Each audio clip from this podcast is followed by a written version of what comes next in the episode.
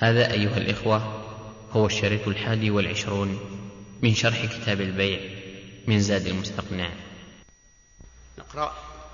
سمع أحمد. بسم الله الرحمن الرحيم. قال المؤلف رحمه الله تعالى في باب بيع الأصول والثمار. وإن باعه مطلقا أو بشرط البقاء أو اشترى ثمرا لم يبدو صلاحه بشرط القطع وتركه حتى بدا أو جزة أو لقطة فنمت أو اشترى ما بدا صلاحه وحصل آخر واشتبه أو عرية فأثمرت بطل والكل للبائع. وإذا بدا ما له صلاح في الثمرة واشتد الحب جاز بيعه مطلقا وبشرط التبقية.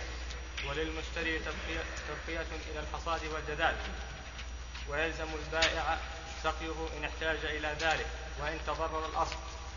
وإن تلفت بآفة سماوية رجع, رجع على البائع.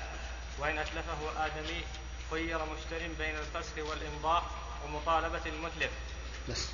بسم الله الرحمن الرحيم. الحمد لله رب العالمين. وصلى الله وسلم على نبينا محمد وعلى آله وأصحابه ومن تبعهم بإحسان إلى يوم الدين. سبق أنه إذا باع ثمرا لم يبدو صلاحه فله حالات. إبراهيم؟ نعم. ما هي الحالات؟ إذا باع ثمرا لم يبدو صلاحه فله حالات. نعم. لا ثمر ثمر مو زرع. ثمر نخلة. قبل دخول صلاحه تشقق. صار أخضر. أو ما حضرت. أقصد هذا. إذا باع الثمر قبل قبل بلوغ صلاحه فله ثلاث حالات.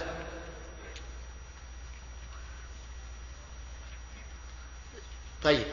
الحالة الأولى بشرط القطع في الحال نعم. يصح إن كان ينتفع به. هذا جائز إن انتفع به. الحالة الأولى إذا أن يشترط قطعه في الحال فهذا جائز إن انتفع به طيب. الثانية إيه. لا ما نريد البيع الملك الأصل باع لأجنبي لا الثمر نعم. فؤاد.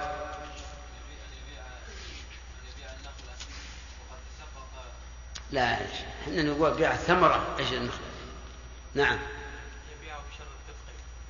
أن يبيعه بشرط البقاء. فما الحكم؟ ها؟ لا يصح. طيب.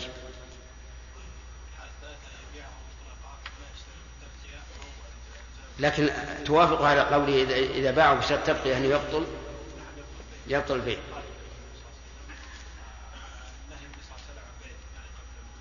أحسنت. طيب. الثالث؟ يبيعه ولا من البقاء ولا ولا القطع في الحال. فهنا؟ باطل. إيه طيب. فإن الآن؟ إذا باع الثمر قبل بلوغ صلاحه فله ثلاث حالات. أن يبيعه بشرط القطع في الحال فهذا جائز لكن يشترط فيه إيش؟ أن ينتفع به فإن لم ينتفع به صار البيع حراما من جهة أنه إضاعة للمال. الثاني أن يبيعه بشرط البقاء فهذا لا يجوز لأنه مصادم للنص تماما. والثالث أن يبيعه ويسكت لا يقول القطع في الحال ولا البقاء فهذا أيضا لا يصح. لأن النبي صلى الله عليه وسلم نهى أن تباع الثمار حتى يبدو صلاحه. ثم قال المؤلف رحمه الله قال رحمه الله تعالى مبتدأ الدرس اليوم. أو اشترى ثمرا لم يبدو صلاحه بشرط قطع أو قبلها. نعم. وإن باعه مطلقا أي من غير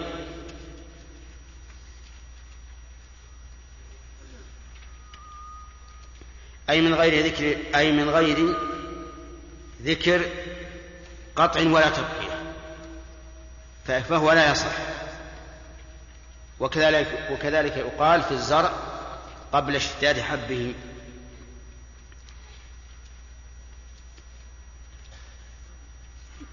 والثالثة قال أو بشرط البقاء فهو أيضا لا يصح. لأنه مخالف لقول النبي صلى الله عليه وعلى آله وسلم أو لنهيه عن بيع الثمر حتى يبلغ صلاحه.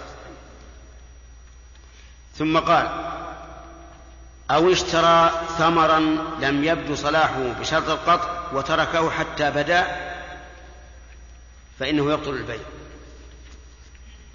اشترى ثمرا قبل أن يبدو صلاحه بشرط القطع لكنه تهاون وتركه حتى بدا صلاحه فإن البيع يبطل لماذا؟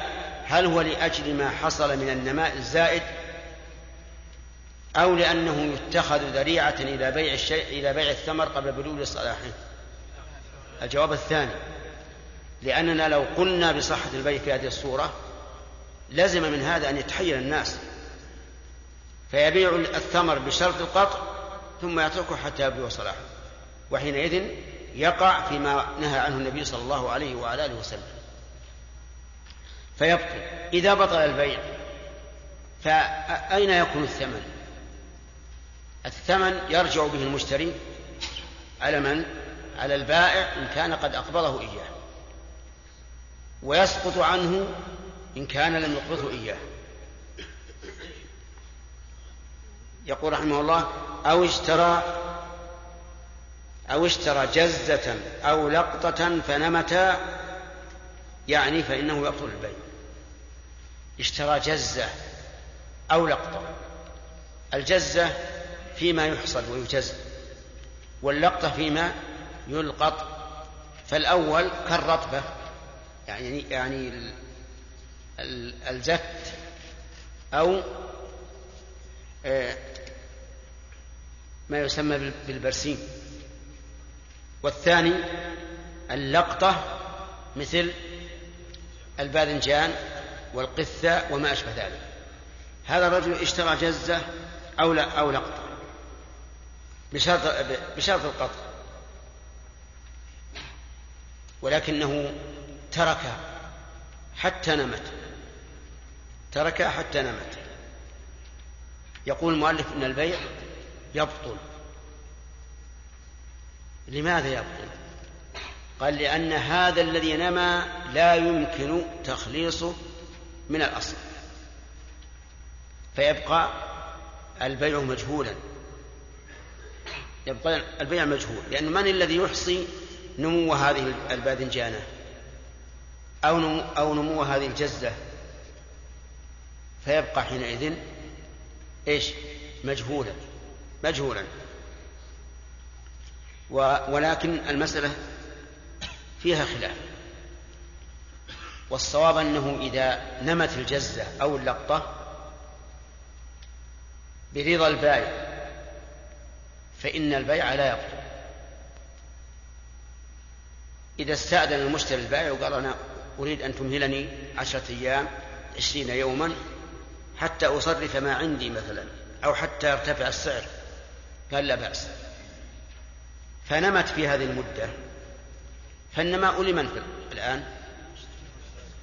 لا الأصل أن النماء للبائع. لكن البائع سمح. وقال لا بأس.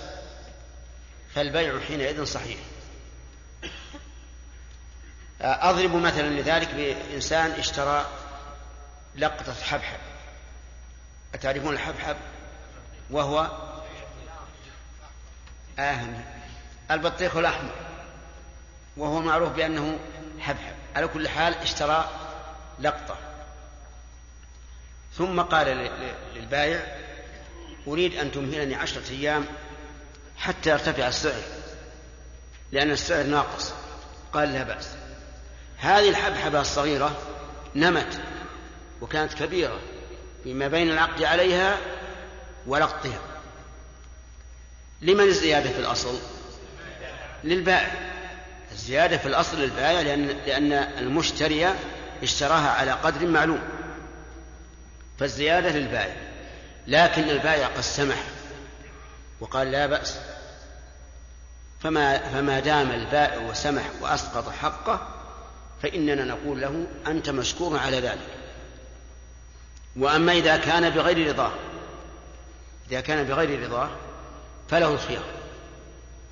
إن شاء أمضى البيع وإن شاء فسخ. لأن ملكه الآن اختلط بملك غيره على وجه يصعب التمييز بينهما. وهذا القول هو الراجح. لأن هذا ليس كبيع الثمرة قبل بدو صلاحها وتترك حتى يبدو الصلاح. إذ أن بيع الثمرة قبل بدو صلاحها وتترك حتى يبدو الصلاح مخالف لإيش؟ للنص. أما هذا ما في مخالفة للنص. وعلى هذا فنقول إن القول الراجح في هذه المسألة. إذا اشترى جزة فنمت. أو لقطة فنمت فإن كان برضا البائع فلا خيار له. كان برضا البائع لا خيار له. وإن كان بغير رضاه بأن تهاون المشتري حتى نمت وكبرت فإن له إيش؟ الخيار. إن شاء أمضى البيع لأن الزيادة له فإذا رضي أن تكون للمشتري فلا حرج عليه. وإن شاء فسخ البيع لأن ملكه اختلط بملك غيره على وجه لا تمييز فيه والمفرط في ذلك من؟ المشتري. فيقال الخيار للبائع. هذا القول هو الراجح. طيب يقول أو اشترى أو اشترى ما بدا صلاحه وحصل وحصل آخر واشتبه واشتبه فإن البيع يبطل. كيف هذا؟ نعم يمكن. في الزرع يمكن يتلاحق. يكون أول الزرع قد اشتد في النخل أيضا في بعض النخيل تخرج بالسنة مرتين.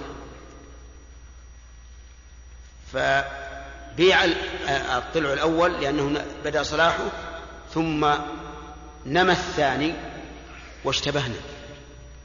الأول من الثاني. يقول المؤلف إن البيع إن البيع يبطل. البيع يبطل. لتعذر تمييز لتعذر تمييز ما لكل واحد منهما. هذه العلة. ولكنك إذا تأملت هذه العلة وجدت أنها لا تقتضي البطلان. وجدت أنها لا تقتضي البطلان. وذلك لأن الحق بينهما الآن. فإذا إذا اصطلح يصطلح على شيء أو قال من من كانت له الثمرة الثانية قال هي لك لا أريدها فما المانع من الصحة؟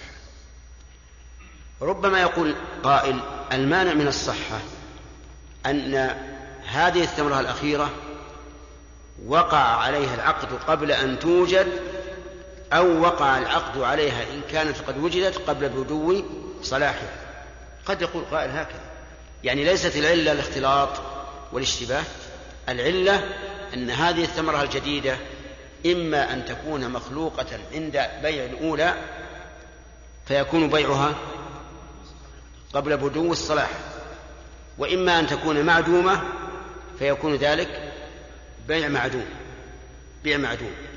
لكن يمكن أن يجاب على عن ذلك فيقال إن هذا ليس ببيع.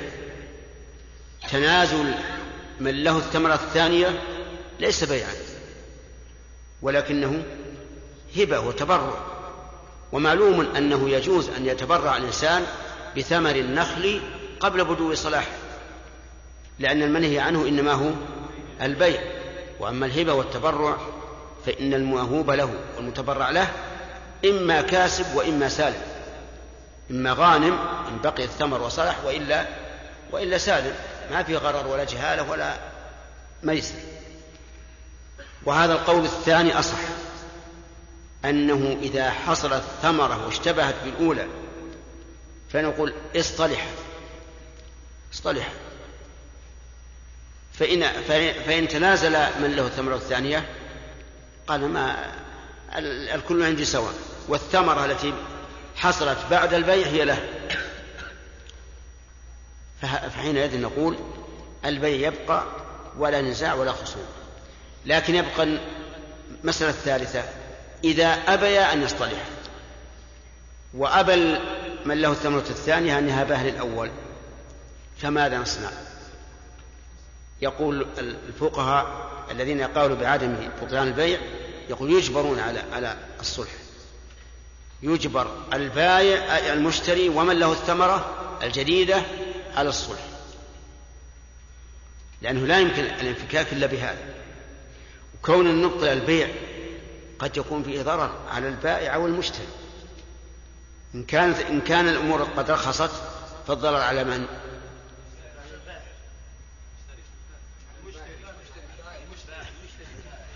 لا أصلا لابد من خلاف حتى وإن كان الأمر واضح.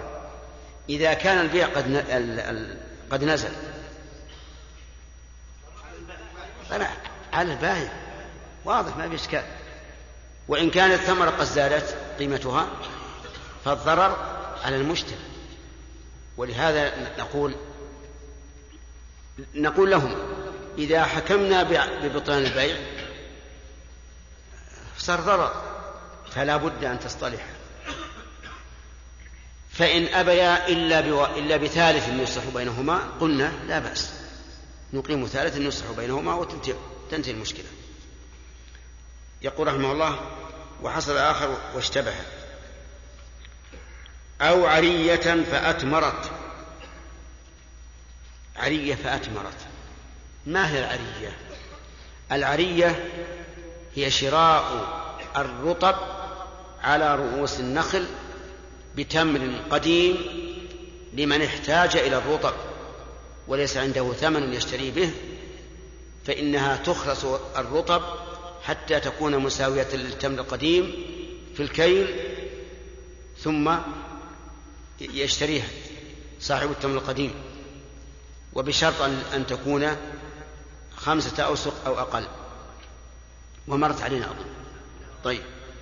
هذا هذا الفقير الذي ليس عنده مال وعنده تمر قديم جاء للفلاح فقال له أنا محتاج للرطب. بعني ثمرة هذه النخلة التي تأتي بعد يبسها آه، خمسين صاعا بخمسين صاع من التمر اللي عندي.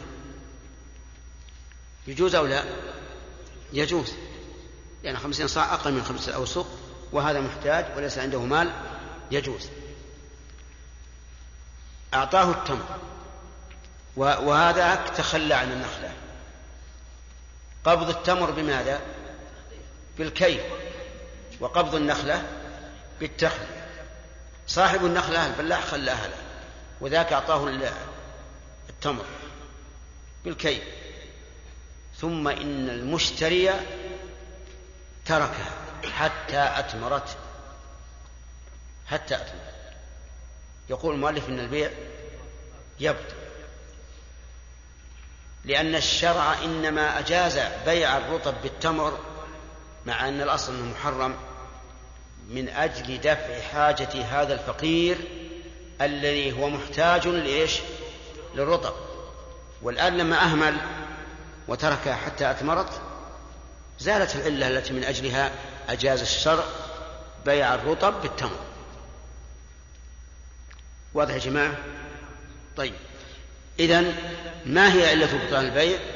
هي أن الحكمة التي من أجلها أبيح بيع رطب التمر. إيش؟ قد زالت. ولا يمكن أن نفتح للناس باب الخداع. نقول لو أن لو أننا صححنا البيع وألزمنا بائع النخلة ببقاء العقد تحير الناس على هذا. فلذلك يقول يقول مالك إن إذا اشترى عرية فبطل فأتمرت بطل البيع. ثم قال والكل للبائع. الكل في هذه المسائل كلها إذا بطل البيع رجع لمن؟ رجع للبائع لأنه ملك. ويأخذ المشتري الثمن من البائع إن كان قد أقبضه إياه وإن كان لم يقبضه إياه سقط عن ذمته. ثم قال وإذا بدأ إذا بدأ ما له صلاح في الثمرة. عندكم واشتد الحب أو أو اشتد؟ واشتد الحب جاز بيعه مطلقا وبشرط التبقية. أو اشتد طيب هي أقرب والله أعلم. نعم. إذا بدا لا هي نسختين الظاهر ما فيها أو عندي بالواو. إذا بدا صلاح الثمر إذا بدا ما له صلاح في الثمرة واشتد الحب جاز بيعه ما يعني بالثمرة؟ ثمرة النخل. ثمرة العنب. كل ما يسمى ثمرا وهو ما تخرجه الأشجار. هذا الثمر. ما يخرج من الشجر ثمر. وما يخرج من من الأرض زرع. طيب يقول واشتد الحب حب إيش؟ حب الزرع جاز بيعه مطلقا. يعني بدون شرط. ودليل الجواز أن النبي صلى الله عليه وسلم نهى عن بيع الثمر حتى يبدو صلاحه. وجه الدلالة أن حتى للغاية وما بعد الغاية مخالف لما قبلها. فإذا كان ما قبل بدو الصلاح محرما كان ما بعده إيش؟ جائزا. ونهى النبي صلى الله عليه وعلى آله وسلم عن بيع الحب حتى يشتد. فإذا كان نهي عنه قبل اشتداده وحتى للغاية فما بعد الغاية مخالف لما قبلها فيكون جائزا. وقول جاز بيعه مطلقا يبين الإطلاق قوله وبشرط التبقية. وبشرط التبقية. طيب وبشرط القطع. من باب أولى. من باب أولى. وعلى هذا فنقول في بيع بدو في بيع الثمار بعد بعد بدو صلاحها والحب قبل اشتدى حبه نقول أيضا له ثلاث حالات كما قلنا فيما كان قبل ذلك. نقول ثلاث حالات. الحالة الأولى أن يبيعه بشرط القطع. فماذا يصح؟ يصح البيع ويقطع. والثانية أن يبيعه بشرط التبقية. جائز ولا غير جائز؟ جائز. نعم وهو كذا. المذهب وغير المذهب فيما أظن. والثالث أن يبيعه ويسكت. فهو أيضا جائز. والدليل ما سمعتم من نهي النبي صلى الله عليه وسلم عن بيع الثمار حتى يبدو صلاحها وعن بيع الحب حتى يشتد أما مسألة الضمان وعدم الضمان فسيأتينا إن شاء الله تعالى فيما بعد. وبشرط التبقية وللمشتري تبقيته إلى الحصاد والجذاذ نعم. للمشتري أن يبقيه إلى الحصاد وهذا في الزرع والجذاذ وهذا في الثمر له أن يبقيه إلى الحصاد والجذاذ. طيب وله أن يجذه قبل؟ لماذا؟ لأنه ملكه. المشتري الآن ملك الثمر له أن يجذها قبل أن يأتي أوان جذها وله أن يبقيها حتى يأتي أوان أوان جذها وكذلك في الزرع. له أن يحصده قبل وقت الحصاد. وله أن يبقيه إلى وقت الحصاد.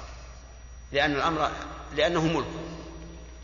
لكن هذا ليس على إطلاقه بل يقال بشرط ألا يتضرر الأصل. في يعني بشرط يتضرر الأصل بعد تأخيره عن وقت الحصاد والجذاء فإن تضرر فليس له ذلك. ويقال إن ثمرة النخل إذا لم تجذ في أوان جذها ضر النخلة. فإذا ثبت قلنا للمشتري إذا جاء وقت الجذاذ لا بد أن تجذ. ولا يمكن أن تؤخر. لما في ذلك من الضرر. كذلك بالحصاد. جاء وقت الحصاد وقال أنا ما عندي الآن ماكينة تحصد ولا عندي آلة. نقول لا بد أن تحصد. الرجل يقول فرغ الأرض. أنا أريد أن أزرع الأرض بزرع آخر. نقول نعم له ذلك. إذن قول المؤلف تبقيته إلى الحصاد والجذاب يفهم منه أنه ليس له أن يبقيه إلى ما بعد ذلك. إلا برضا البائع وهو كذلك. نعم. ويلزم البائع سقيه إن احتاج إلى ذلك وإن تضرر الأصل يلزم البائع سقي سقي إيش؟ سقي الزرع وسقي الثمر. والمراد سقي الشجر. لكنه قيد ذلك بقوله إن احتاج إلى ذلك. إن احتاج إلى ذلك بأن تكون الوقت حارا وتيبس أصوله فيضمر الثمر ويتغير. فنقول يلزم البائع يا عبد الله بن عوض وش يلزمه؟ أن يسقيه. حتى وينتظر الأصل يقول وينتظر الأصل. فإن قال قائل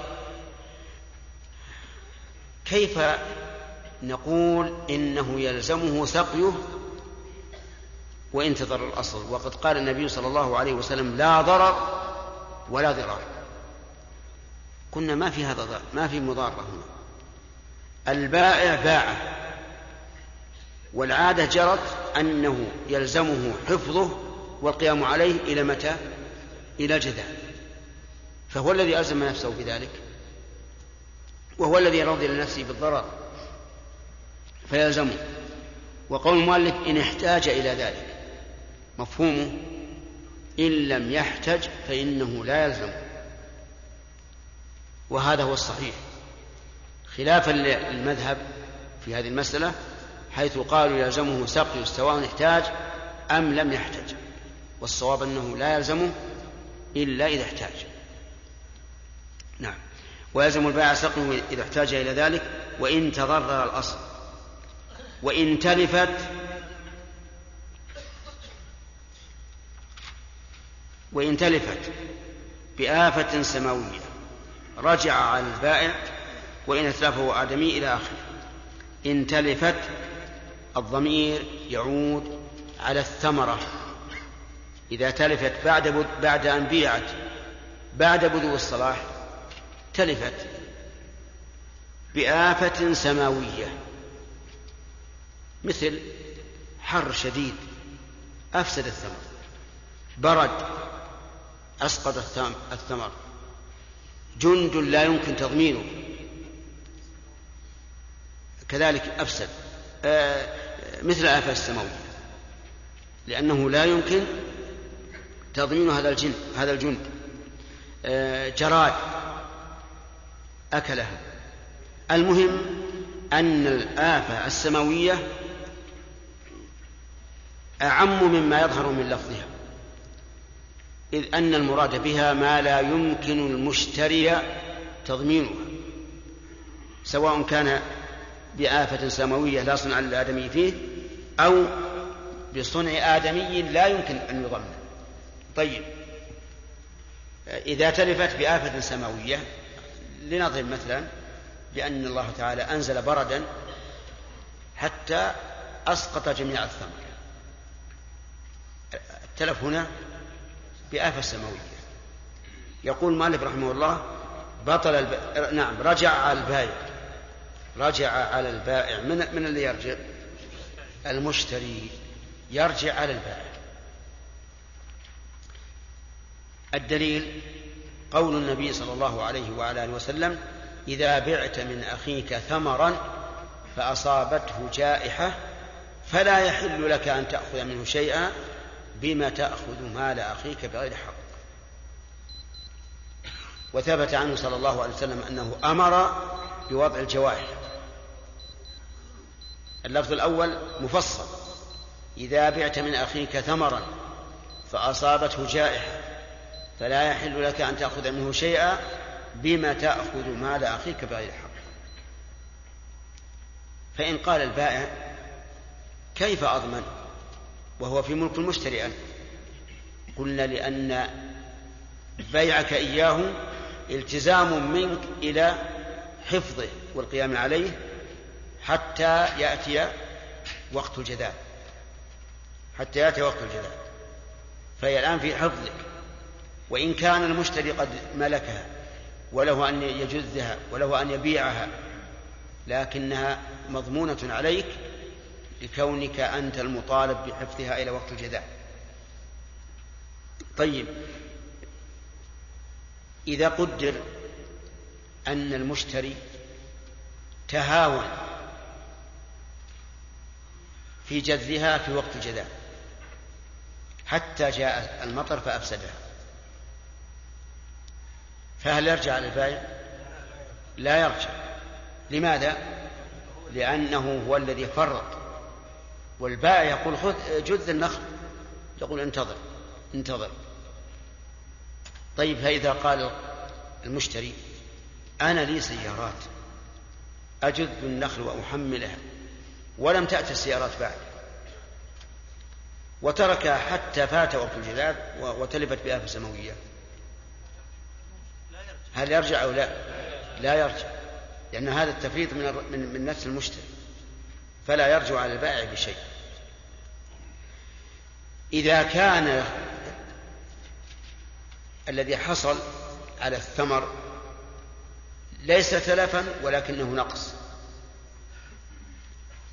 بمعنى أن بعض القنوان تغير حش صار حشفا. فهل يضمن البائع النقص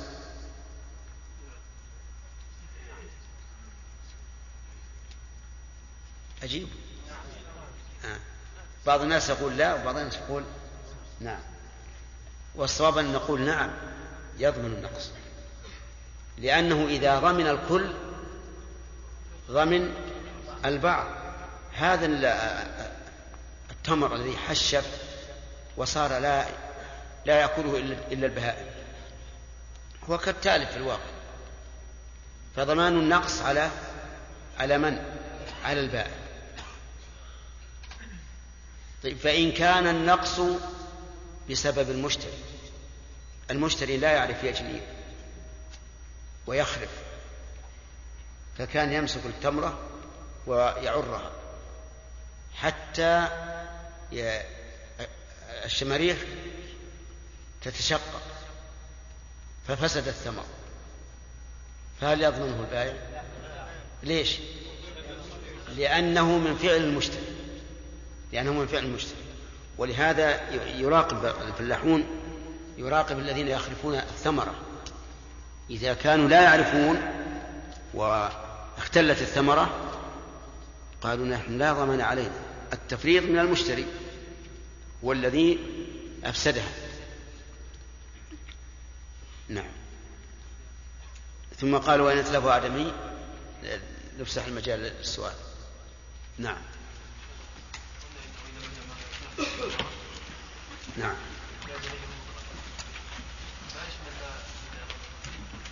كيف؟ ما إيش؟ يلقط. كيف؟ نعم. نعم وقلنا انه إذا في الوقت الجزء المذهب إنها تبطل والصحيح إنه لا نعم وش, وش معنى مطلق؟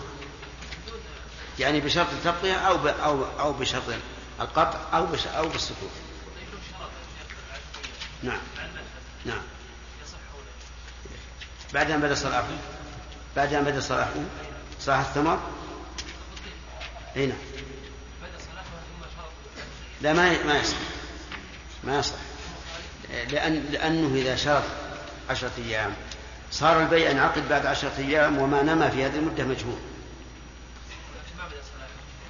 أي بلى. بدأ بس لكن هذا ينمو ويزداد. أما أما ثمر النخل فهو قليل جدا. إذا نما بعد بلوغ الصلاح إنما فهو نماء قليل. نعم. شيخ إذا اشترط البائع على المشتري بأن صلاح الشجر النخل على المشتري بأن حفظ النخل من وغيره على المشتري نعم. ووافق المشتري. ثم أصبته آفة سماوية نعم فهل الجائحة على على البائع الجائحة على البائع تكون. حتى هذا الشرط في صحته نظر لأنه إذا اشترط عليه أن يسقيه. فهذا السقي ما قد يحتاج إلى كثير وقد يحتاج إلى قليل لأنه تبع الجو. إذا اشتد الحر ما يحتاج إلى ماء كثير. فيكون هذا مجهولا ويعود بالتالي إلى جهالة الثمن؟ والله هو للبطلان أقرب. نعم شيخ إذا تلف إذا تلف الثمر وكان المشتري قد اشترى الثمرة مع أصله. هل يكون على البائع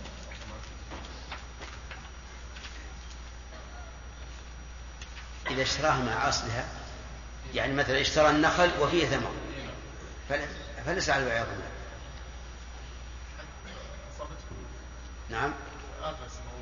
إيه لكن الرسول عليه الصلاة والسلام قال إذا بعت من أخيك ثمرا وهذا لم يبتع ثمر هذا باع الأصل والثمرة له.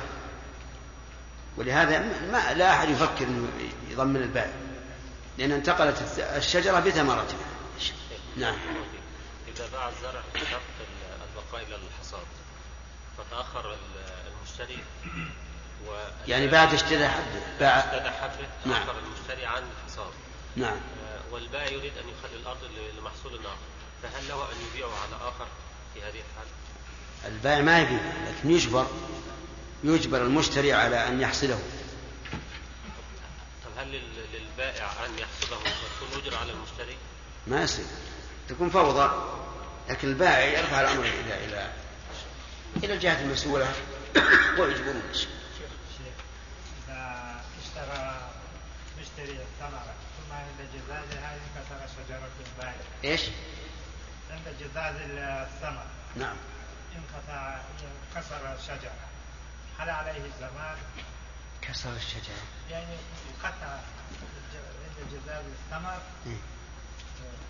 كسر شجرة النخيل النخلة ما تنكسر من هذا.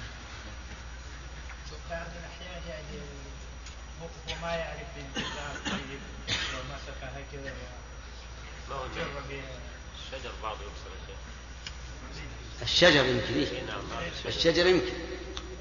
فعليه الضمان. الشجر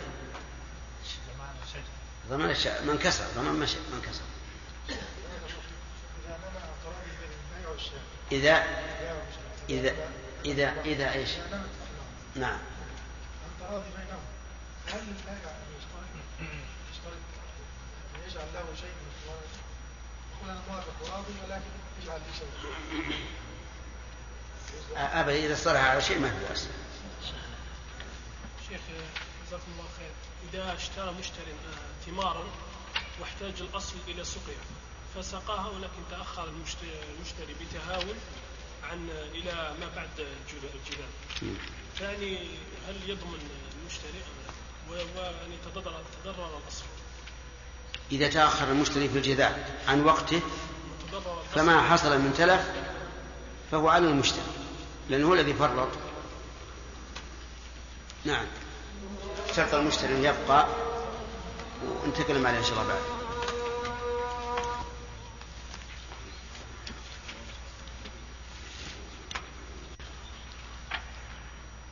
اللهم رب هذه الدعوة التامة وصلى الله على محمد الوسيل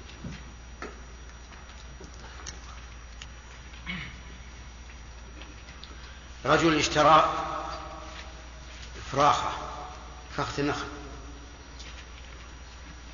وطلب من البائع أن يبقيه إلى آخر السنة.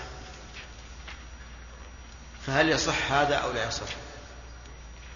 على مقتضى قواعد المذهب أنه لا يصح لأن الذي ينمو مجهول فيعود إلى جهالة المبيع. لكن الصحيح أنه لا بأس به لأن هذا النماء نماء يسير ومعلوم أو يكاد يعني يكاد يكون يكون معلوما. ولا ولا يعد الناس هذا جهل جهالة. الصواب أن هذا لا بأس به. نعم. إذا الذي عليه الجذاب يتضرر بسقي الأصل لا تضرر ثمر وإنما فوات كمال كما يقول القشر ونحو بسبب الماء فهل يلزم صاحب الأصل أن لا يسقي في هذا الوقت؟ أي نعم. إذا علم أن أن سقي الأصل يضر الثمرة فإنه يمنع. لأن أي ما المهم أنه يضره. فهذا إذا كان ضمانه على البائع فمعلوم أن لا يجوز أن يمكن مما يضر. نعم. لو أن إنسان اشترى تمر يعني اشترى ثمرة وقال للبائع إن أذنت أن تبقى إلى وقت الجلال فأذن البائع. وقال له المشتري يعني بعد بدو الصلاح. بعد بدو الصلاح. نعم. قال له المشتري على الإطلاق سواء أصابها جائحة أو لم تصبها جائحة فالمال لك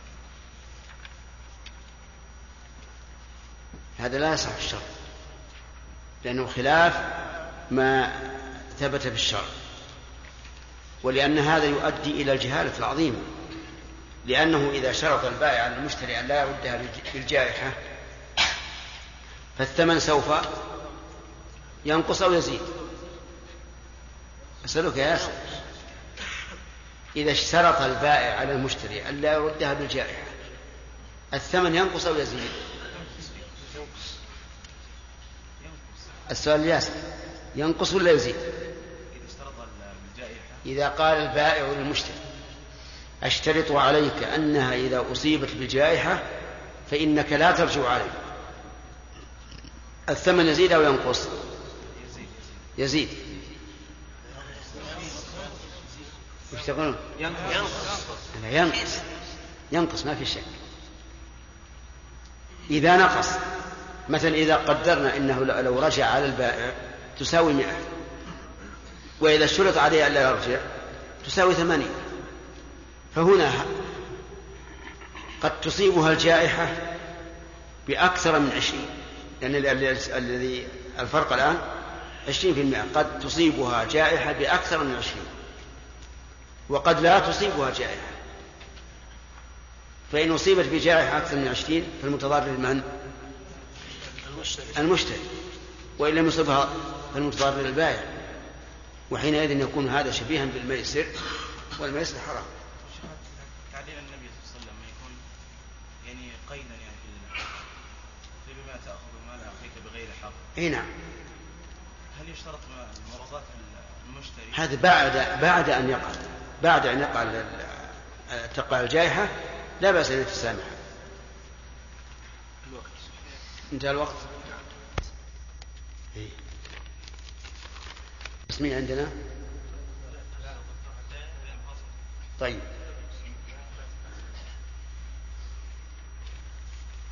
بسم الله الرحمن الرحيم قال رحمه الله تعالى وإن أتلفه آدمي خير مشتر بين الفسق والإمضاء ومطالبة المتلف. المتلف. ومطالبة المتلف. عاد خير المشتري وإن أتلفه آدمي خير مشتر بين الفسخ والإمضاء ومطالبة المتلف.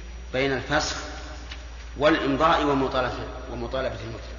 يعني الإمضاء تابع لما بعده. نعم. بين الفسخ والإمضاء. بين الفسخ والإمضاء ومطالبة المتلف وإن أتلفه آدمي خير مشتر بين الفسخ والإمضاء ومطالبة المتلف. وصلاح بعض الشجرة صلاح لها ولسائر النوع الذي في البستان. وبدو الصلاح في ثمر النخل أن تحمر أو تصفر. وفي العنب أن يتموه أن يتموه أن يتموه حلوا. وفي بقية الثمرات أن يبدو فيه النضج ويطيب أكله. عندنا الثمر. ثمرات؟ لا أنا عندي أصح لأن لو كانت ثمرات لقال أن يبدو فيها النضج. في بقية الثمر.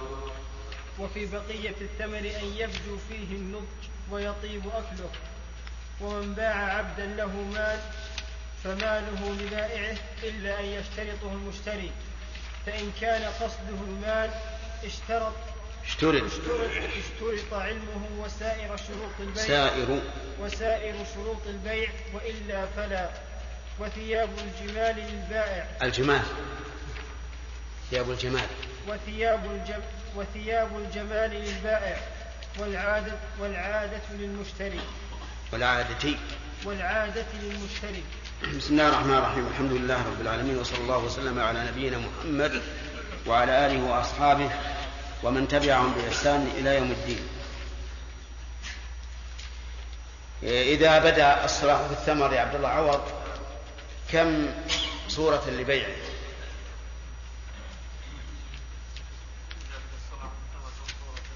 نعم.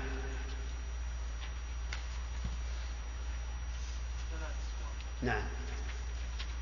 الأولى. خطأ. شرافي. نعم. أن يبيعه مطلقا ما معنى مطلقا؟ يعني لا يشترط بقاء ولا قطعا. طيب. هذه واحد. نعم. الحال. آه، ما هو الجائز من هذه الصور الثلاث؟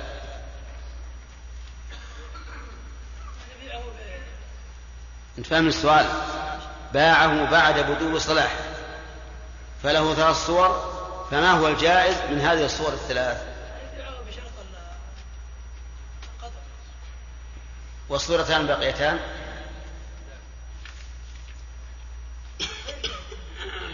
يحيى.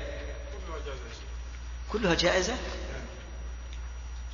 القاطع شرط القاطع والتبقية والإطلاق؟ إيه. طيب ما هو ما هي الحال التي يفرق في يفرق فيها بين هذه الصور الثلاث؟ إذا كان قبل بدو صلاح فصل. إذا باع الثمر مو العين. ما هي الحال التي يفرق في يفرق فيها بين هذه الصور الثلاث.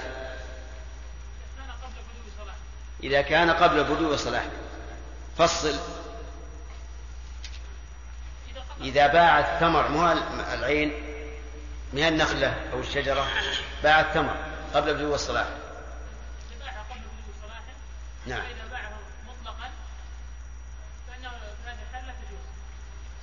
الصورة الأولى أن يبيعه مطلقا. والثانية والثالثة. بشرط القطع ما هي الصور أو الصورة التي يجوز فيها البيع؟ إذا باعه بشرط القطع أما بشرط التبقية أو على الإطلاق فإنه لا يصح. طيب. الدليل على أنه لا يصح. خالد.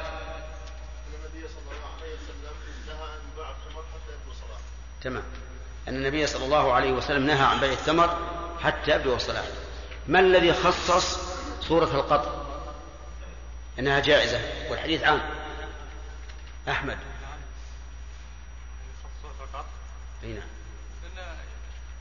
يأمن الحكمة من النهي العاهة نعم.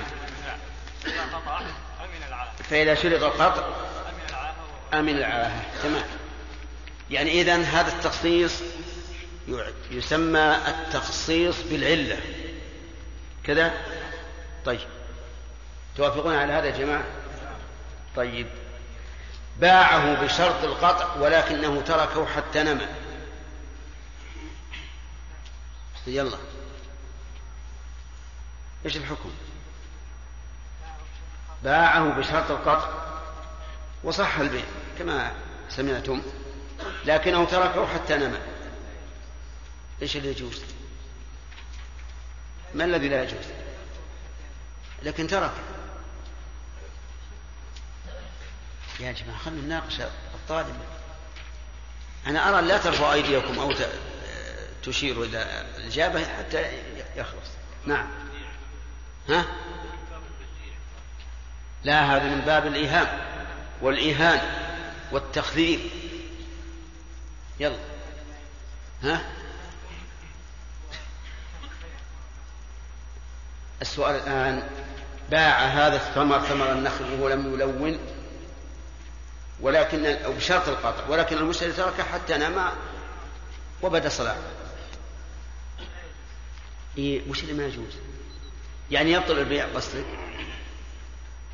يبطل البيع.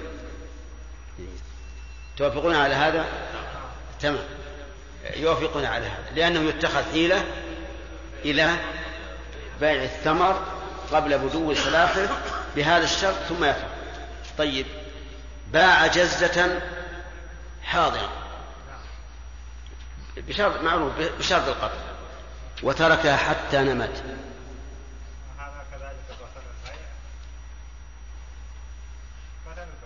بطل البيع. ليش؟ لأنه النماء مجهول آه. لأن ما حصل بالنماء بالنماء مجهول. واختلط بمعلوم فصار كل مجهول. طيب. هذا أفهمتم يا جماعة؟ إذا اشترى جزة برسيم حاضر ثم تركها. لم يجد بالحال بقيت حتى نمت. فهداية الله يقول بطل البيع لأن هذا الذي حصل هذا النماء الذي حصل مجهول ولا غير مجهول؟ مجهول ما ندري وش قدر. لأن النمو يكون بالطول ويكون بالتضخم ولا ندري وش مقداره. فيبقى مجهولا. فالسؤال هل هناك قول آخر في المسألة؟ نعم. وهو؟ إذا اصطلح نعم إذا اصطلح فلا بأس. طيب وإذا وإذا أسقط البائع حقه من النماء. جاز أيضا. توافقون على هذا؟ آه، وهذا هو الراجح. هذا هو الراجح لأنه ليس هناك نهي كالثمر قبل بدو الصلاح. إنما هو لحق البائع والبائع إذا أسقط حقه أو صالح المشتري فلا بأس. طيب. آه، إذا باع ثمرا بعد بدو صلاحه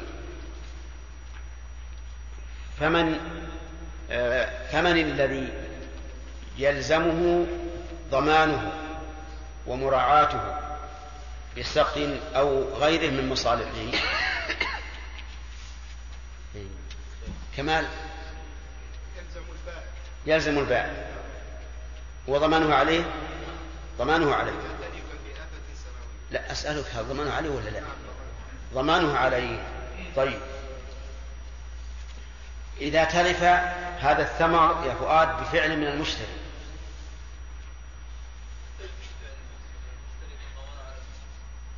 فهل على البائع ضمان؟ توافقون؟ صحيح.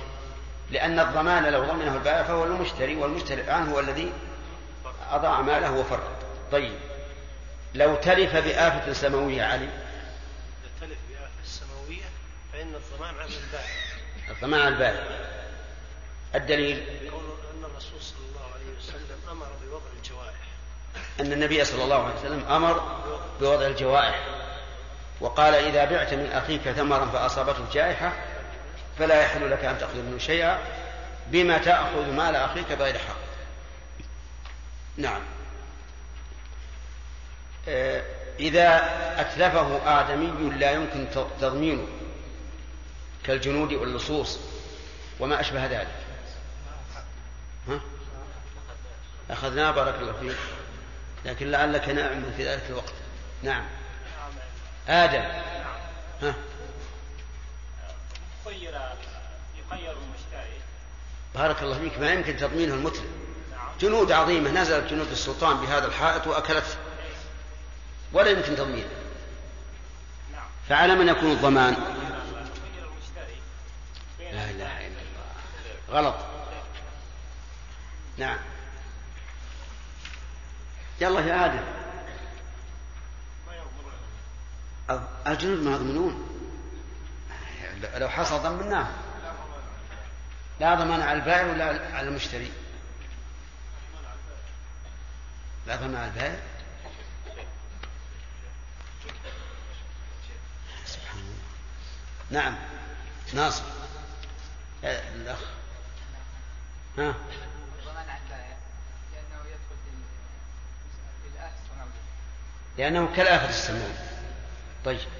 توافقون على هذا؟ نعم. إذا أتلفه من لا يمكن ضمانه كاللصوص الذين لا, لا نعرفهم أو أو جنود السلطان الذين لا يمكن أن نضمنهم فيكون هذا كالآفة السماوية بجامع أنه لا يمكن للمشتري أن يضمنه. هذا الجامع وهو واضح. إذا أتلفه آدمي معين يمكن تضمينه فاستمع إليه. وهو بدء الدرس الليلة يقول رحمه الله وإن تلف وإن أتلفه آدمي خير مشتري بين الفسخ بين الفسخ. هذا هذا واحد. والإمضاء ومطالبة المتلف. إذا أتلفه آدمي معين يمكن تضمينه قيل للمشتري أنت بالخيار. إن شئت فافسخ البيع. وحينئذ يكون الضمان على البائع. صح؟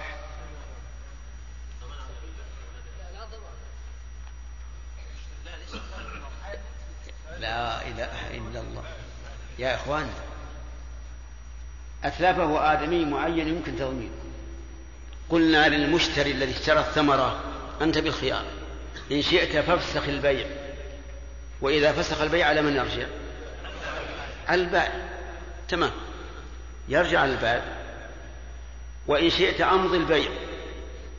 وطالب المتلف.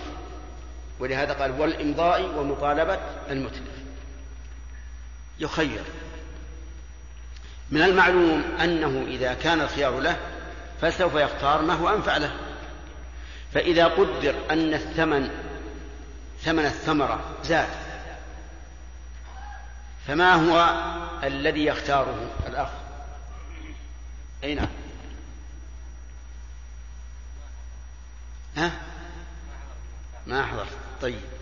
إبراهيم؟ يختار الإمضاء إذا قدر أن ثمن الثمرة قد زاد يختار الإمضاء وهذا؟ جمال تخالفه ها؟ ليش تشر طيب إذا إذا إذا كان الثمن قد زاد فإنه سوف يختار الإمضاء ومطالبة المتلف. فمثل إذا قدر أنه اشترى الثمرة بمئة ثم جاء إنسان وأتلفها. أتلفها. وصارت تساوي مئتين. أيما أحسن؟ أن يفسخ البيع ويأخذ مئة من البائع والبائع يرجع المتلف بمئتين. أو أن يأخذ من المتلف مئتين. الثاني لا شك.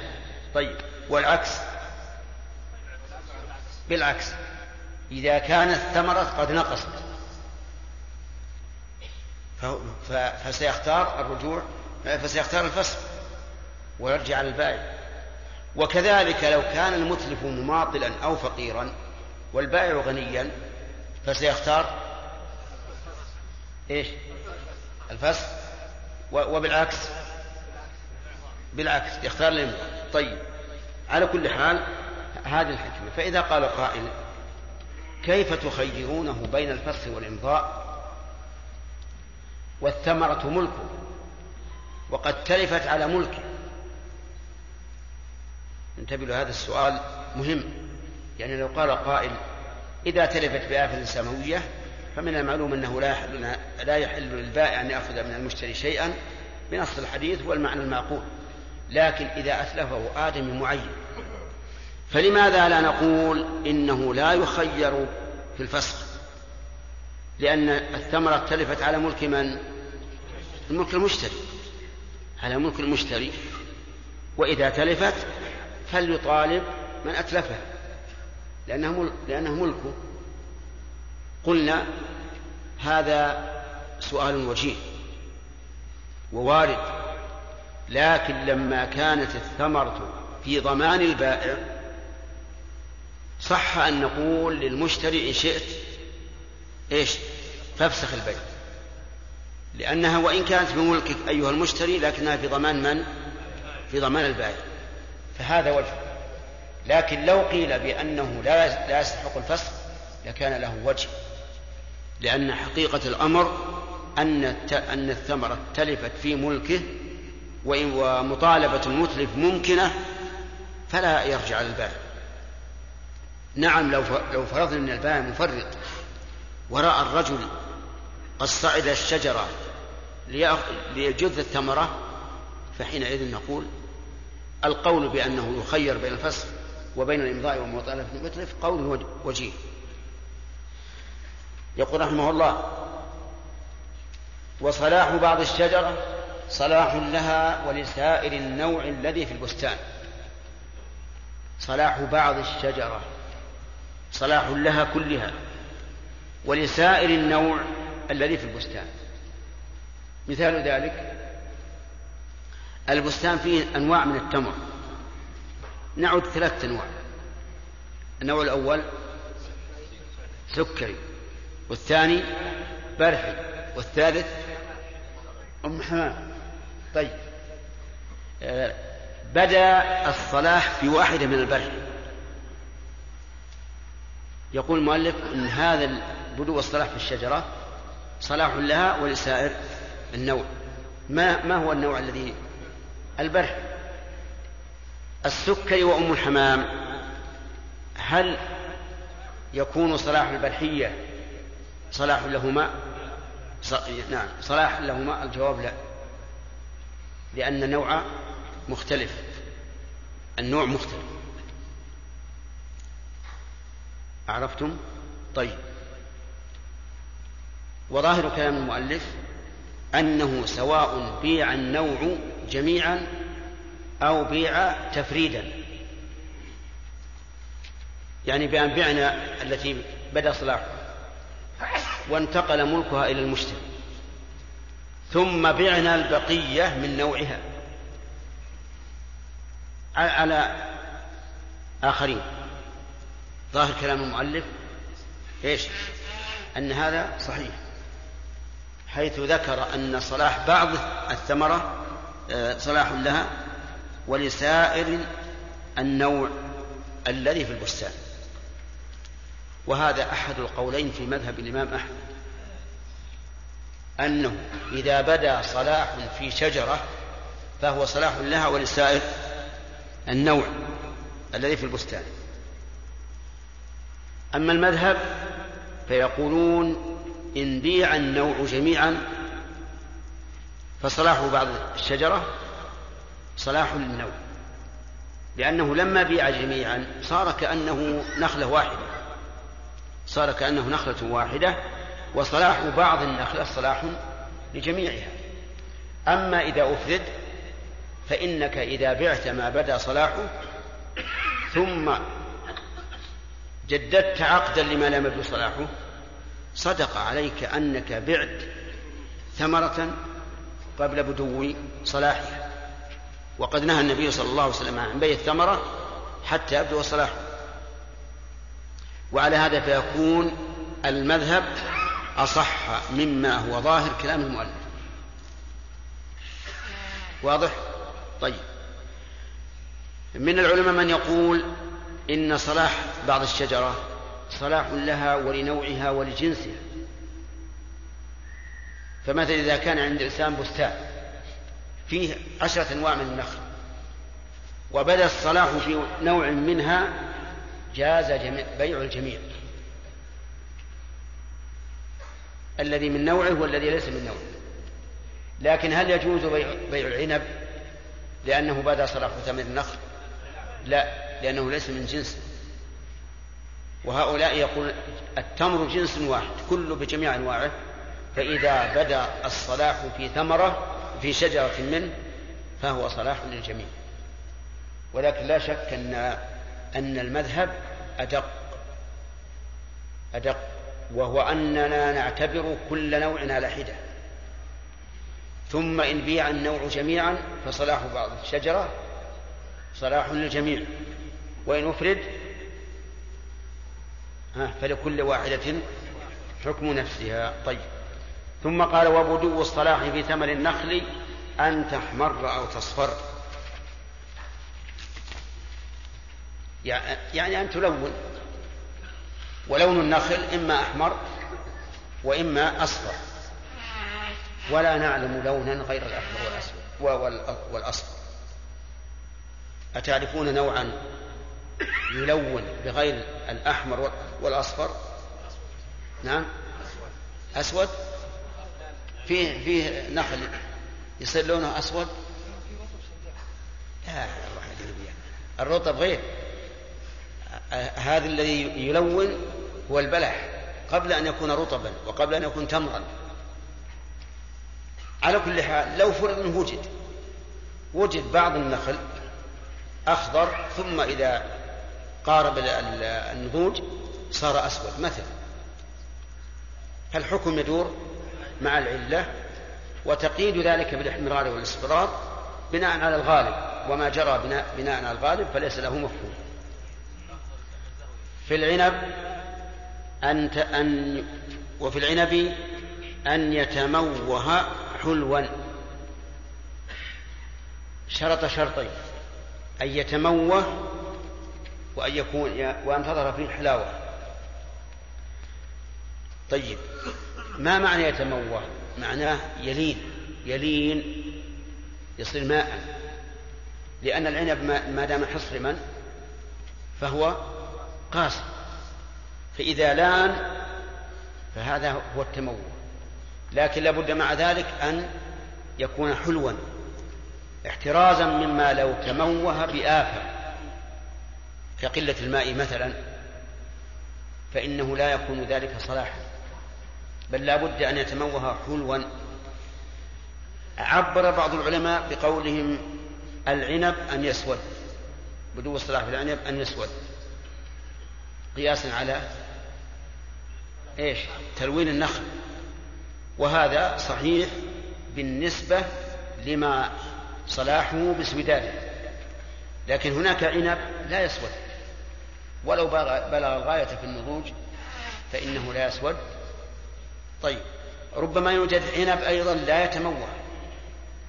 عنب قاسي يتهرش. ولو كان قد بدا صلاحه. نعم.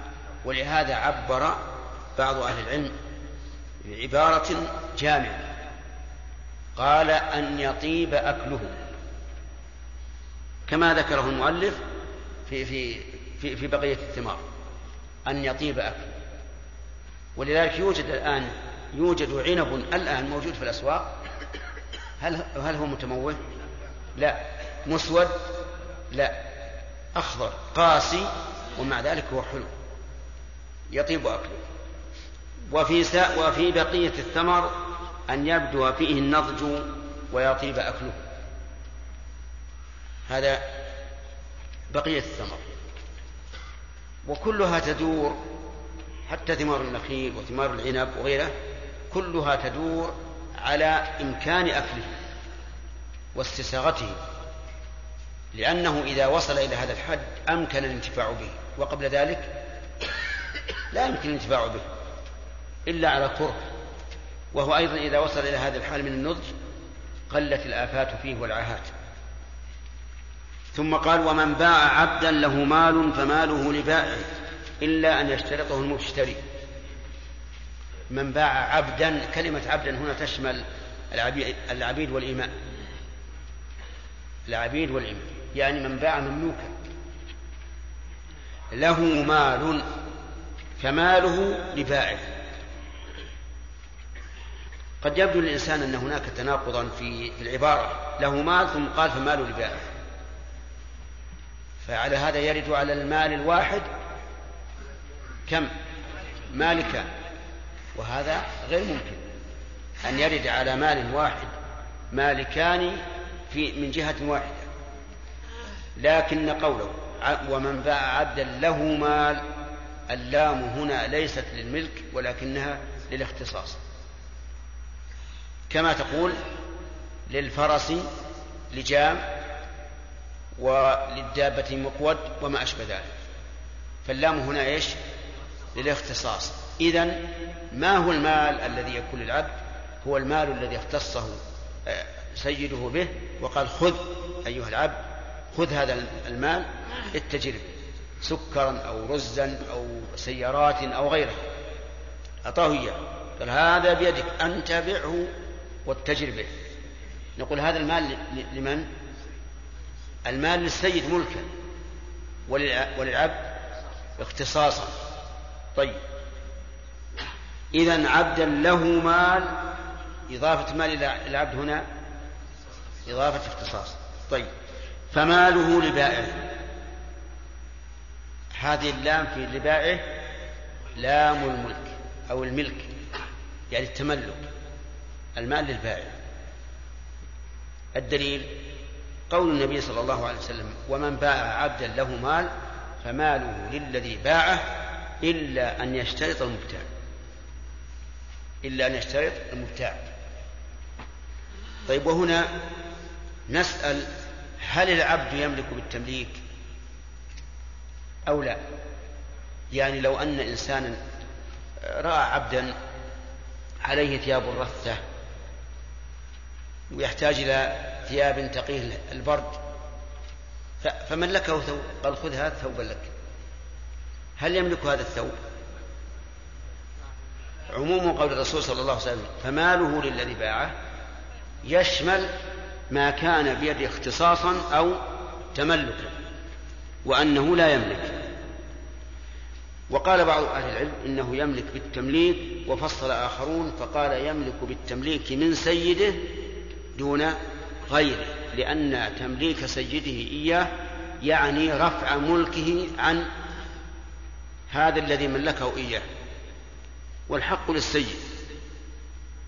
وعلى هذا يكون ما ملكه سيده ملكا له. ليس لسيده فيما بعد أن يرجع فيه على سبيل آه الأخذ يعني الرجوع في الهبة. وللعبد أن يتصرف فيه كما شاء بدون إذن السيد لأنه ملكه. وظاهر الحديث العموم.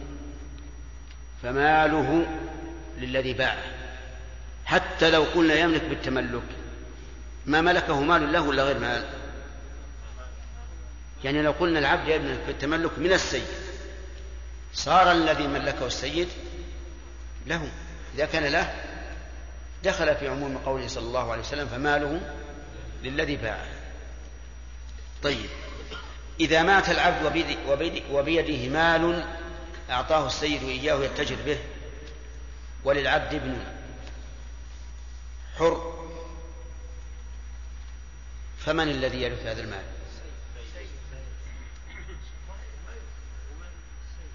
ها؟ اي السيد أعطاه إياه. قال هذا لك يا ولدي. ملك أنت رجل وفيت وأديت هذا ملك. وكان لهذا العبد ابن حر. نعم. أي. إن قلنا بأنه يملك بالتمليك فماله لابنه. وإن قلنا لا فماله للسيد. قال إلا أن يشترطه المشتري. يشترطه ألها في يشترط يعود على المال. على المال يا عبد الله. من هو اللي قال؟ محمد. أجل أخطأ. لأن المشتري ما يشترط السيد اللي باع. نعم. إذا الضمير في قوله يشترطه الهاء تعود على المال. فإذا اشترط المشتري المال فهو له. للحديث وهو نص فيه إلا أن يشترطه المبتاع. هو نص في ذلك. وحتى لو لم يرد النص على هذا فإن عموم قول الله تبارك وتعالى يا أيها الذين آمنوا أوفوا بالعقود. يشمل هذا لأن الوفاء بالعقود يشمل الوفاء بأصل العقد ووصف العقد والشروط المشروطة في العقد. إيش؟ أوصاف له أوصاف له ولحديث المسلمون على شروطهم إلا شرطا حل حراما أو حرم حلالا. طيب إذا إذا إذا اشترطه المشتري فهو له. لكن هنا يشكل إذا قدرنا أن هذا العبد عنده عشرة آلاف ريال نقد واشتراه المشتري بمائة ألف واشترط أن المال الذي معه تبعه. فهنا يرد علينا إشكال وهو أن تكون هذه المسألة من مسألة مد عجوة لأن في دراهم دراهم ومع أحد العوضين من غير الجنس. فهل تصححون هذا أو لا؟ يقول المؤلف فيه تفصيل فإن كان قصده المال اشترط علمه وسائر شروط البيع وإلا فلا. إذا كان المشتري الذي اشترط أن مال العبد له إذا كان قصده المال. فلا بد من شروط البيع. كل شروط البيع. الثمانية ولا بد أن يكون سال خاليا من من الربا. وإلا فلا. طيب كيف نعلم أن قصده المال أو أن قصده العبد؟ نعلم ذلك بالقرائن. إذا كان هذا الرجل محتاجا إلى خادم عن المشتري ويبحث عن رقيق يملكه ويجعله خادما له. لكنه اشترط أن يكون ماله تبعا له لأنه لا يحب أن أن يصرف هذا العبد عن تصرفه الذي كان عليه من قبل. لأن المال لو أخذه السيد الأول الذي هو البايع ربما ينصدم العبد. فهو اشترط أن يكون ماله تبعا له من أجل راحة العبد. لكن قصده الأول ما هو؟ العبد. هذا نقول لا يشترط. لا يشترط لا يشترط علم المال ولا يشترط أن لا يكون بينه وبين عوضه ربا ولا يشترط أي شيء من الشروط. لو قيل له أي للمشتري أنت اشترطت أن يكون ماله تبعا له هل تعلم ماله؟ قال لا والله ما أعلم. لكن أنا ما يهمنا المال. يهمنا إيش؟ العبد قلنا لا يضر. لا يضر أن تجهل المال لأنك قصدك العبد. لكن لو قال أنا قصد المال أنا رأيت هذا العبد يتجر في محل تجارة وناجح والمحل فيه أنواع من التجارة. أنا قصدي المال. لكن قلت العبد من أجل أن أن أن يندرج البيع, البيع وأما العبد سأبيعه بضفير من بضفيرة من شعر من شعر. أنا قصد المال. ماذا نقول له؟ نقول إنما الأعمال بالنية لكن ما دام قصدك المال لابد أن تجرد المال كله حتى علبة الكبريت ولا بد أن يكون هذا المال لا يجري فيه الربا بينك و... بينه وبين الثمن ولا بد أن يكون البيع مش... المبيع يعني مشاهدا معلوما. المهم أنه يشترط جميع شروط البيع. إذا قال قائل ما هو الدليل؟ قلنا عندنا حديث عمر بن الخطاب رضي الله عنه. هذا الحديث العظيم الذي تنبني عليه كل مسائل الدين. ما هو؟ إنما الأعمال بالنيات وإنما لكل امرئ ما نوى. قال اشترط على موسى وإلا فلا. بقينا في الثياب. الفقهاء دقيقون. العبد عليه ثياب له مال أو ما له مال المهم عليه ثياب هل ثيابه تبعه؟ ولا نقول إن البايع يجرده من ثيابه ويبيع عليه عاريا حافيا عاريا. إيش نقول الفصل المؤلف. قال أما ثياب الجمال فهي للبائع لأنها خارجة عن حاجة العبد. وأما ثياب غير الجمال ثياب العادة فهي للمشتري. صح؟ ثياب العادة التي جرت العادة الناس يلبسونها هذه للمشتري تبع العبد تبع العبد ثياب الجمال للبائع. هل تختلف الأعراف في هذا؟ لا تتعجلوا في الجواب. هل تختلف الأعراف الأعراف في هذا؟ بمعنى أن ثياب جمال في في عرف ثياب عادة في عرف آخر وبالعكس. نعم لا شك لا شك تغلب وعلى هذا فيتبع العادة في ذلك. فيقال إن عد هذا ثياب جمال فهو للبائع إن عد ثياب عادة فهو للمشتري. والله أعلم. نعم. إذا إذا إذا. إذا باع العبد البائع. تمام وصنع له عينا عينا صناعية عين. إيه. وإذا باع على المشتري وقال هذا عين لا حول ولا قوة إلا بالله. وش هذه الصورة يا هداية الله؟ هذا ليس من ثياب هذه أشد من ثياب العادة. نقول إنك عين وعطية. نقول اقلع على العين وعطى البايع حتى البايع وش يستفيد منه؟ هو أسنان الذهب إيه؟ العين ذهب؟ لا ما في. على كل حال هذه معروف أنها تتبع العبد ولا إشكال فيها. هي أبلغ من ثياب العادة. عرفت؟ فإن خاف المشتري أن يغشمه البايع ويقول اقلع عينه يشترط العين. يقول ترى عينه معه. لكن لعلك تقلب المسألة وتقول مرايات. العبد عليه مرايات. يعني نظارات في العين هل تتبعه في البيع ولا لا؟ كانت كانت جمال نعم. كان جمال هذه من ناحية نظارات جمال؟ نعم. على كل حال إذا حكم حكم الثياب. ما احتاج إليه العبد منها فهي تبع العبد.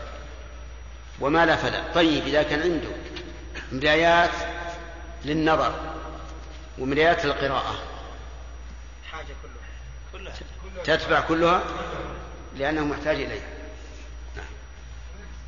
يا شيخ. نعم. المراجعة. المراجعة أظن من منين؟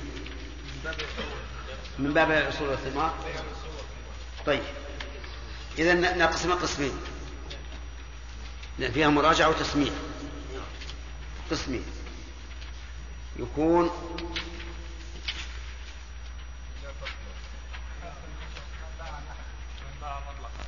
لا لا باع نخلا الثلث وثلثين إيه وإن باعه مطلقا. إلى قوله وإن باعه مطلقا. قوله إن باعه مطلقا. واللقاط على المشتري هذا النهاية. ها؟ أي نعم. والحصاد والجذاذ واللقاط على المشتري. ها؟ هذا الليلة المقبل إن شاء الله الدرس المقبل واللي وراه آخر الباب. اي معلومة من باب ما هو فصل الأول؟ الأول باب بابه هي رسول الثمار ها؟ ابتداؤه من باب بيع الوصول والثمار وانتهاؤه على قوله والحصاد واللقاط والجذاذ واللقاط على المشتري. لا يلزمك الجميع. يش... يثبت تبعا. نعم.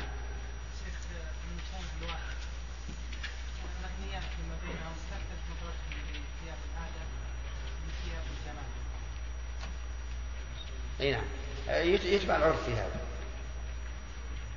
ربما عبيد الأغنياء ليسوا كعبيد الفقراء. إي. إي نعم. الكلام على العبيد. أقول عبد الغني الإنسان اللي سيده غني لباس العادة عنده ثياب جمال عند من سيده فقير نعم شراف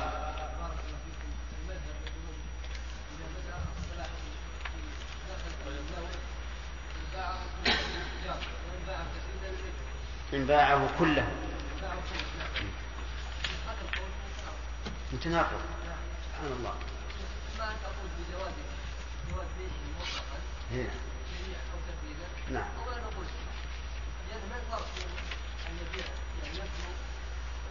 حبة واحدة من نخلة ثم نبيعه جميعا فيصح أو نبيع تفريدا لم يبدو صلاح يعني نقول يعني جواز بين هكذا نقول الذي بدأ إحنا ما بينا ما بينا وجه الفرق. بينا وجه الفرق. قلنا إذا باعه باع النوع كله كأنه نخلة واحدة. لأنها صفقة واحدة. دقيق. إذا باع التي بدا صلاحها بقي الآخر له صفقة مستقلة. فإذا باعه باع الباقي فقد باع ما لم ما لم يبدو صلاحه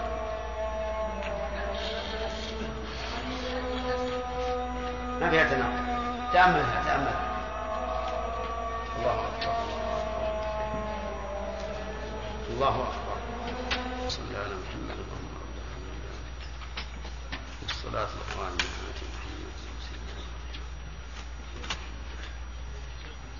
نفس المسألة وهي مسألة نعم. ربع البستان وفي ربعه بدت يعني لم يبيع البستان كله ولكن باع ربعه وبدت في ربعه صلاح الأخلاق فإن نقول في هذه الحالة بين لكن هذا الربع اللي باعه هل هو نوع واحد؟ ولا أنواع؟ نوع واحد. وباعوا جميع. ها؟ ربع البستان جميعا. إيه، ربع البستان جميع. وهو من نوع واحد. وبدأ الصلاح في واحدة منه. يصح. نعم. أنت ما أخذت عبد الله؟ نعم. والله عند الزيتون يا شيخ كيف يعرف؟ إيش؟ الزيتون إي نعم. لماذا يعرف بدون صلاح؟ ها؟ لماذا يعرف بدون صلاح؟ والله يع- يعرفه أهل الصمت. هو ما هو الآن ما يتغير طعمه إذا قطع وخلد إذا يقال إنه يباع جزة جزة مثل البطيخ. لقطة لقطة. يباع لقطة لقطة يلقط. إذا بلغ ال- الغاية اللي يعرفونها يباع إذا الأرض نعم؟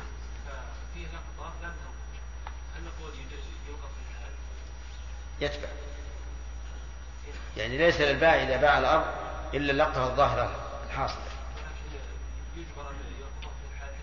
يخرج يكون باطلا. أي- أي- هذه يعني ينبني على الخلاف في مسألة إذا نمى ولا الأصل يجبر عليه في الحال وإلا وإلا يتفق مع المشتري بأن يبقى بسهم. نعم. لماذا جاز بيع النخلة التي بدا صلاحها من نفس النوع الذي لم يبدو صلاحه بيعه جميعا سمعت مشكلة؟ من يجيب عنه؟ نعم. يقول لماذا لا يجوز بيع النخل الذي لم يبدو صلاحه منفردا ويجوز مع مع الأخرى. يعني إشكال اللي قال عبد الأشراف. لماذا جاز مم. بيع النوع الذي صلح فيه؟ نعم. هذا سؤال. عبد الله عوض؟ أقول مثلا أنه إذا باعه صفقة واحدة فهو كالنخلة الواحدة أين وأما هذا. إذا باعه فرقه فإن الذي فيه الصلاح الذي لم يكن الذي ليس في- ما بدا فيه شيء من الصلاح يكون يعني كأنه نوعا مختلفا عنه نعم. الآن مثلا إذا بعت النوع واحد جميعا. فقد بعت ثمرا بدا واحدة لا بس الجميع صفقة واحدة. أي إذا كان الصفقة واحدة البيعة واحدة. ولهذا النخلة الواحدة لو كان مثل فيها أربعة قنوان وبدأ الصلاح في قنو واحد. هل نقول ما لا يصح بيع الأربعة الثانية؟ يصح. فالمهم أنه إذا كان صفقة واحدة فالنوع الواحد كنخلة واحدة. نعم. ولهذا نقول ال- البيع إما أن يبيعه تفريقا وتفريدا فلكل واحدة حكم نفسه أو يبيع نوعا منه صفقة واحدة فيكفي إيش؟ بدو الصلاح في واحدة أو يبيع البستان كله بجميع أنواعه فلا بد أن يكون من كل نوع نخلة واحدة قد بدا صلاحه. انتهى الوقت. قول يا إبراهيم.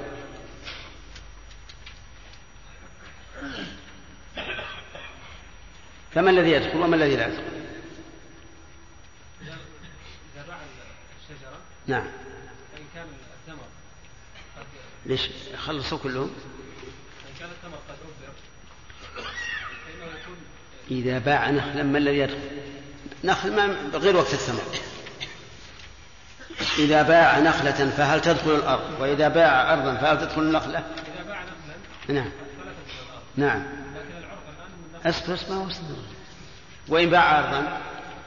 دخلت النخل دخلت النخلة. ما هي ال- ال- العلة؟ لماذا إذا باع أرضا لم تدخل دخلت الشجرة وإذا جاء وإذا باع شجرة نخلة لم تدخل الأرض؟ والفرع يتبع الأصل. والفرع يتبع الأصل. ما الأصل ما في فيه الأصل الأرض وإذا بيعت النخلة فتتبع الأصل فلا ت- لا تتبع الأرض. لا بيعت النخلة. فهل تدخل الأرض؟ لماذا؟ الفرع لا يتبع الأصل؟ الفرع لا يتبع الأصل؟ كيف الفرع لا يتبع الأصل يا شيخ. اعكس الفرع لأن الأصل لا يتبع الفرع. طيب. وإذا باع أرضا وفيها نخلة تدخل في البيع. نعم. لأن الفرع يتبع الأصل. تمام. هذه القاعدة. آه، أشار الأخ إبراهيم إلى إلى عرف يقتضي خلاف ما ذكر. يلا علي السلطان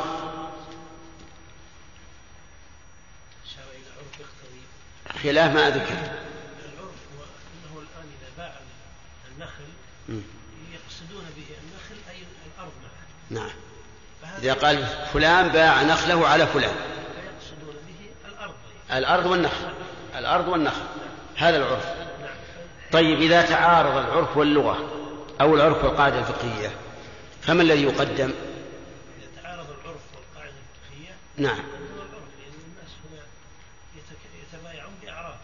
أحسنت. يقدم العرف. تمام. وعلى هذا فإذا كتب إذا وجدنا وثيقة أن فلانا بن فلان باع نخله على فلان بن فلان. نقول هذا يشمل كل الحائط أرضه وثمره وشجره. طيب إذا باع أرضا ما الذي يدخل في البيع؟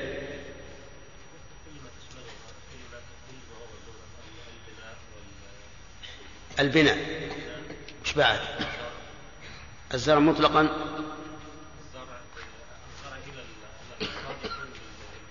إلى الآن ما وصل. إلى الحصاد البائع وبعد الحصاد يكون المشتري يعني فصل تفصيل بين. نعم. شمل البناء. واضح. البناء له ليس, ليس شجر- شجرة ولا زرع. يشمل البناء. والنخل.